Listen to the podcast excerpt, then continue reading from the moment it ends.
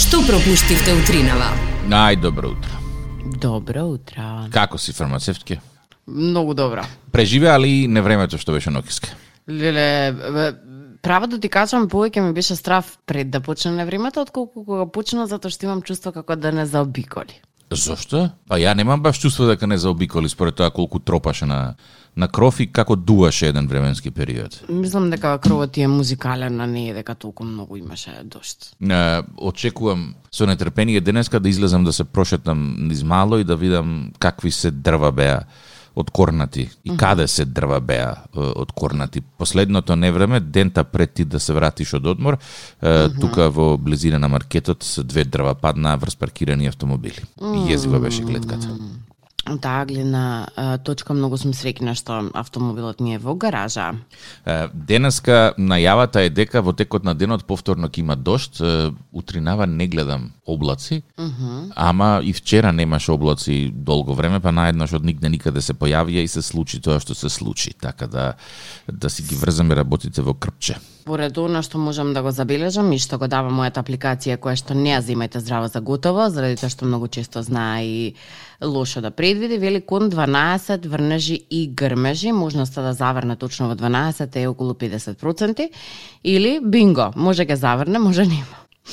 А, веќе кон 13 часот а, облачноста и можноста за дошт и грмежи ќе се зголеми и истата ќе трае некаде до 15 часот и потоа температурата која што нема да оди на 26 степен ќе се задржи така нормална да речам до крајот на денот, односно до а, вечерта.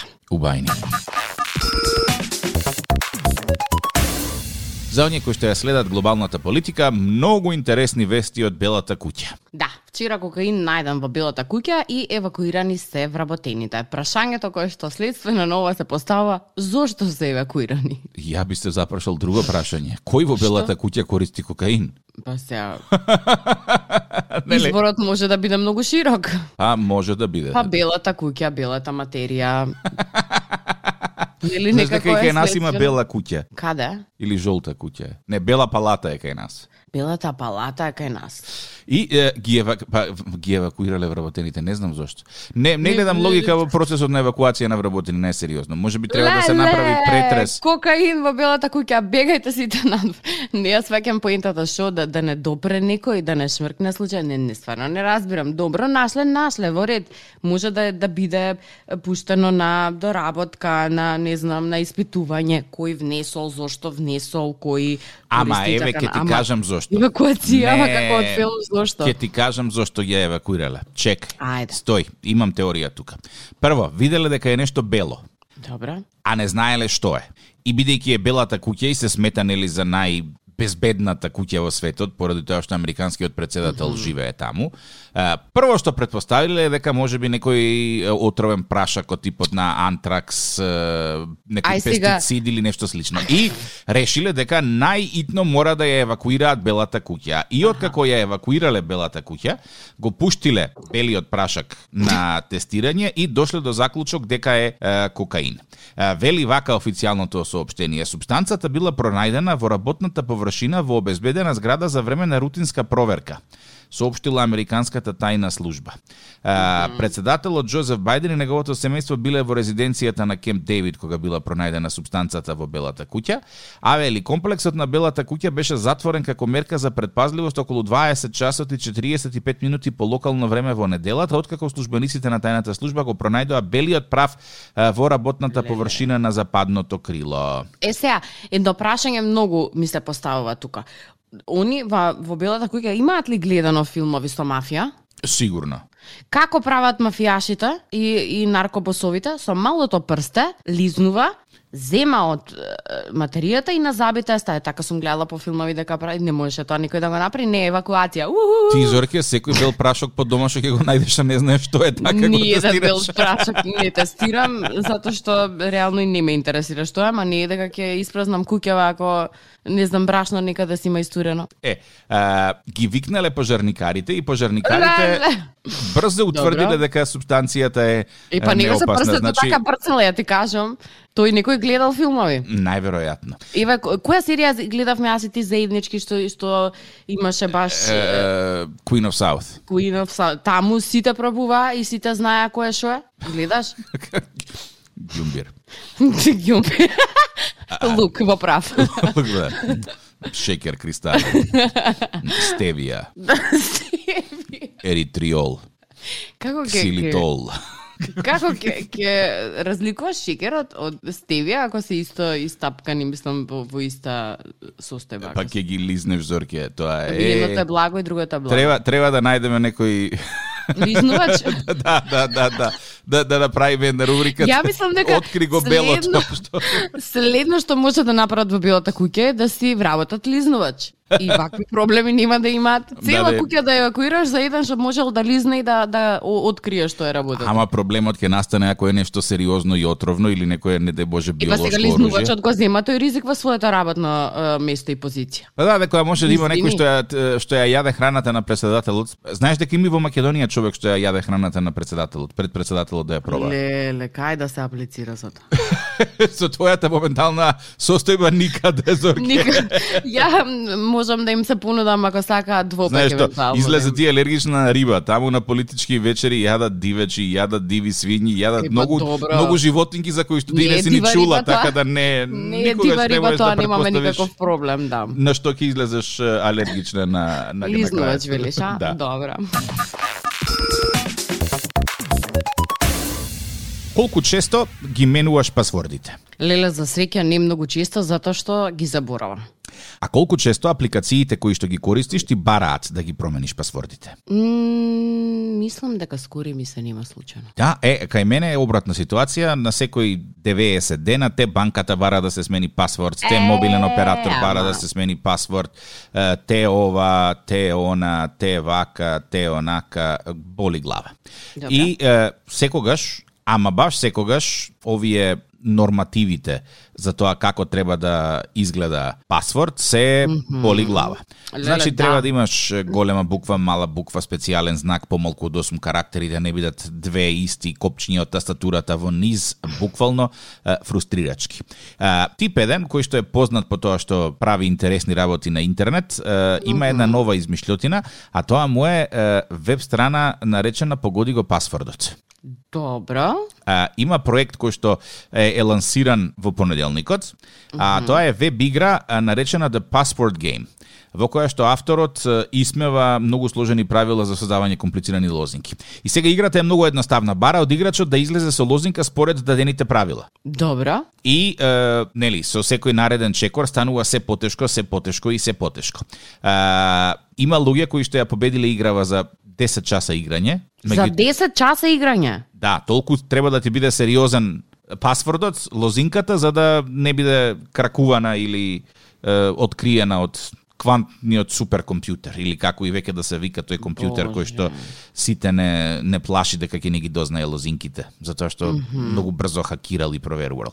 И сега е, јас е, се размислувам дали да Пробаш да се почнам да, обидеш? ја да ја играм игра. Ајде да. видиме, дај и јас да се уклучам да видам дали можам. Е, еве, е, дај ми некој пасворд за кај вака рандом. Еве да пробаме 7, Еве датумот денешен. е, што е денеска? 07052023. А, Што не, треба голема буква да се стави. Е па А 05072023. Чекај да видам ја. Се обидуваш нешто да направиш? Да. Играш во моментов? Ти треба концентрација? Е, вика, бројките во твојот пасворд мора да збирот на бројките во твојот пас, пасворд мора да биде 55. Ајде, и сега треба да правиш е, како бројките, односно збирот би бил 55. 9 и 8 17 и 7 е 25. 55. Многу комплицирано за рано са бајлечки. Па, Ама еве е, најупорните или оние кои што сметаат дека можат да го надитрат типов кој што ја направил играта, може да пробаат. Е, за подсетување се викаше The Password Game. Да, И може гуглајте, да ја ја еве се, побарајте, се заглавив. да.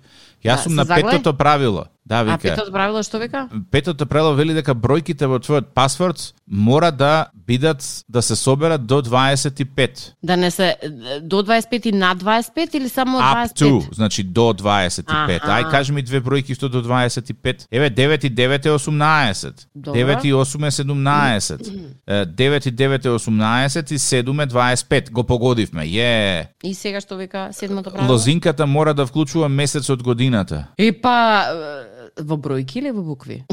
Вашиот пасворд мора да вклучува романска буква. X. Романска буква, добра. Мора да вклучиш еден од спонзорите. Ау, пише Зорка. Не може Зорка. А има Леле, романските бројки треба да се да се производ на 35, 10. Како е 7 о За добробитот на оваа програма те молам да ја напуштиш играта. X XX Затоа што е, Леле, чувствувам во гласот и- и- како почнува да те нервира. почнува да ме одам ја да играм игра, слушајте музика. Ова е радио 2.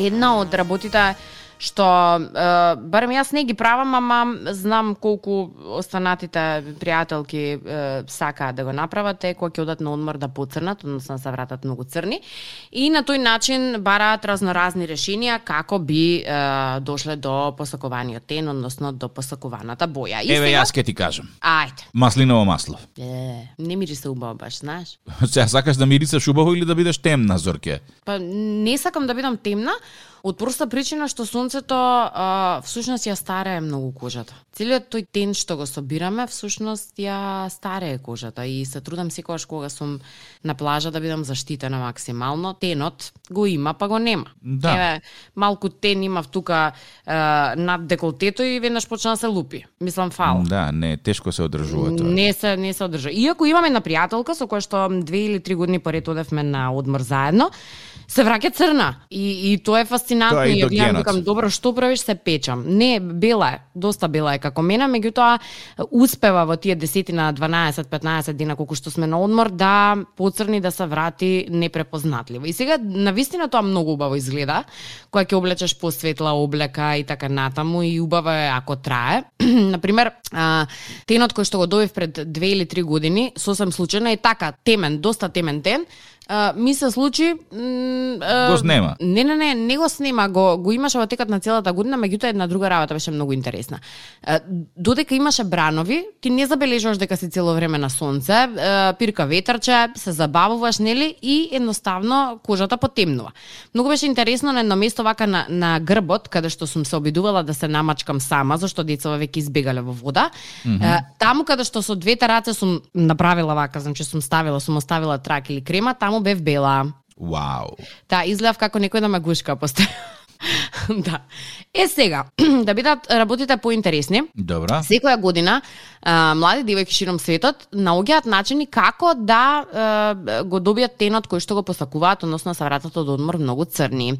Најновата вест е шокантна. Користат едно средство, а, кое што не би рекла дека е средство, туку повеќе е пијалак, со кој што го доведуваат својот тен до совршенство онака како што сакаат. Верувал или не, користат пиво. Вау. Па да, бе, За Зорке, има мачкање. логика. Како има логика? Па што кога ти печеш прасе со пиво го потураш. Знаеш дека не размислав на тоа, ама да. да. да, да, да, да, да. Значи, За буквално се крцкавост. пе... буквално се печат на плажа, поливајќи се со пиво. Мене еден друг момент не ми е Вау, можеш да јасен. го замислиш тоа онака ти на плажа, вуп, Е. посета ранг пиво. Две тој пива онака- ако може, да- не- дали ви треба не не не ни треба чаша, ќе ги потураме по нас. По цената на пивото сега на плажите ни светот. Били ви е жал? Не, не би сакал да ги да ги имам тие Друго трошоци. сакав да те прашам, тоа пиво кога ќе се истои нели лепи, Лепи. нели мириса? Па и мирис. Морето, Хигиенскава страна. морето се прави. Леле, не знам колку е ова паметно. Инаку, ем, многу од луѓето кои што работат и делуваат во добротворните е, акции и организација за подигање на свеста на ракот на кожата, велат дека ова е исклучително опасен тренд и дека несомнено може да доведе до развој на рак на кожа, така што ова е од оние вести не пробувате на плажа, односно не пробувате дома, заради тоа што крајно негативни се е, влијанијата кои што може да ги добиете, доколку евентуално добиете тен. Значи вие може ќе добиете тен, но пропратно со тенот може да добиете и други компликации, не де боже по здравјето ваше и на вашата кожа, така што не верувам дека секој тренд или дека апсолутно секоја е, идеја е вредна за реализација од проста причина што може повеќе да е, допринесе негативни е, нешта во вашето здравје отколку позитивни. Не велам дека е лошо да изгледате и сунчани и со убав тен, меѓутоа не по секоја цена. Спасете пиво, мачкајте се со крема за сончање. Ова е порака од Тик Так и Зорка. Добро утро. Добро утро. Кнап со време, ама слушателна линија повели. А кога сме кај мачкањево, значи е, гледам вчера имаше една девојка Па вие не знаете како стен доби само за два часа. Само за два часа сончење, фен, мислам, таква боја, за тоа фантастично. И после одам, викам, девојче, девојче, која е тајната? Мед, вика. Значи, со мед, јас сум се изненадал. А кај ја видева како не е тајна? На плажа каде? Лизна? Е, а, и реков да, да, да лизнам, ама викам, ќе ми се направи линија, вика. Добро. Добро утро, работен народе македонски. Со гатанките твои ќе ги скратиш маките мои. Дали си ти спремна да ја повредиш мојата суета? Нема рима. Трезна. Ама има смисла. А, смисла има се. Да, Може. Е, прво јас или прво ти? Е, прво ти. Ајде, спремен. Да. Кој ги зборува буквално сите јазици на светот? Интернетот? Не, Чат GPT? не, Кој ги зборува буквално сите јазици на светот? да. Љубовта? Што, Не. како се насмеа га ова? Како се насмеа Ова ти беше, разочарано? м- не, не, не, ова ти беше многу поетски одговор за собирање на поени, ама не колега. Па не знам кој ги зборува сите јазици на светот. Ако не е љубовта, Приби, мислев дека ќе речеш парите, ама добро. па и парите, да, се Не, согласувам. ни тоа не. Е, ај помош дај ми. Како да ти дадам помош? Ако ти дадам помош, ќе ти го решам. Кој ги зборува сите... Дај ми помош, ама нема да се важи. Може така? Важи, ажи, ажи. Ехо? Ехо. А, А ти што мислеше дека нешто возбу... возбудливо? Да. Е, има уште едно, ќе го репризираме, мислам дека нема да ти текне. Ајде. А, мажот го има, жената го прима, попот не го користи. А, презиме. Е, сега ми излезе, викам, морам да се да пробам да на, не го на, на направиш. стари фин ти сакаш да ме фатиш, Зорке. И па не се важат двете секако што. Едното Не, ти го првата реши, се другото важи, го репри- не, не, тоа првото за, за ехото си добиваш е, поен, тоа не го спорам. За ова другото, ќе оставиме времето да, Сакаш да, уште една? да покажеш. Имаш? Имам. Можам? Ајде, може. Можам да живеам само таму каде што има светлина, но умирам кога светлината ќе ме осветли, што сум јас. Сенка, А. Океј, денес не ми е денот. тик-так го возвраќа ударот. Ау, имаш и ти. Да. Ајде. Бел чаршав црна земја покрил. Снег. Леле Зорке, вака не оди веќе. Погоди. Можеше да бидеш малце иновативен, да речеш јорган, па да, не знам прекрива, па многу беше некако лесно. Па лесно беше затоа што лесно беше прашањето, мора да се бара е, некое друго чаре. Мора да се бара друга чара, мислам дека веќе е, станавме про во во овој дел.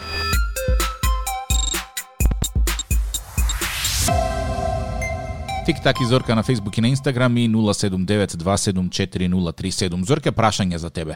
Телефонот Прашање. ти звони или ти е на silent? М, најчесто во текот на денот ми е на м, не на silent него на вибрации. Е, добро. Знаеш ли зошто е тоа добро? Не знам. Затоа што според истражување на Универзитетот Penn State, Добра. откриено е дека луѓето кои што ги чуваат телефоните на silent цело време, ги под- проверуваат телефоните многу почесто од оние кои што ги имаат наместено на вибрации. Аха. А, кога звукот и вибрациите се вклучени, а, групите ги проверувале своите уреди во просек 53 пати во текот на денот, што е Вау! 53 пати. да.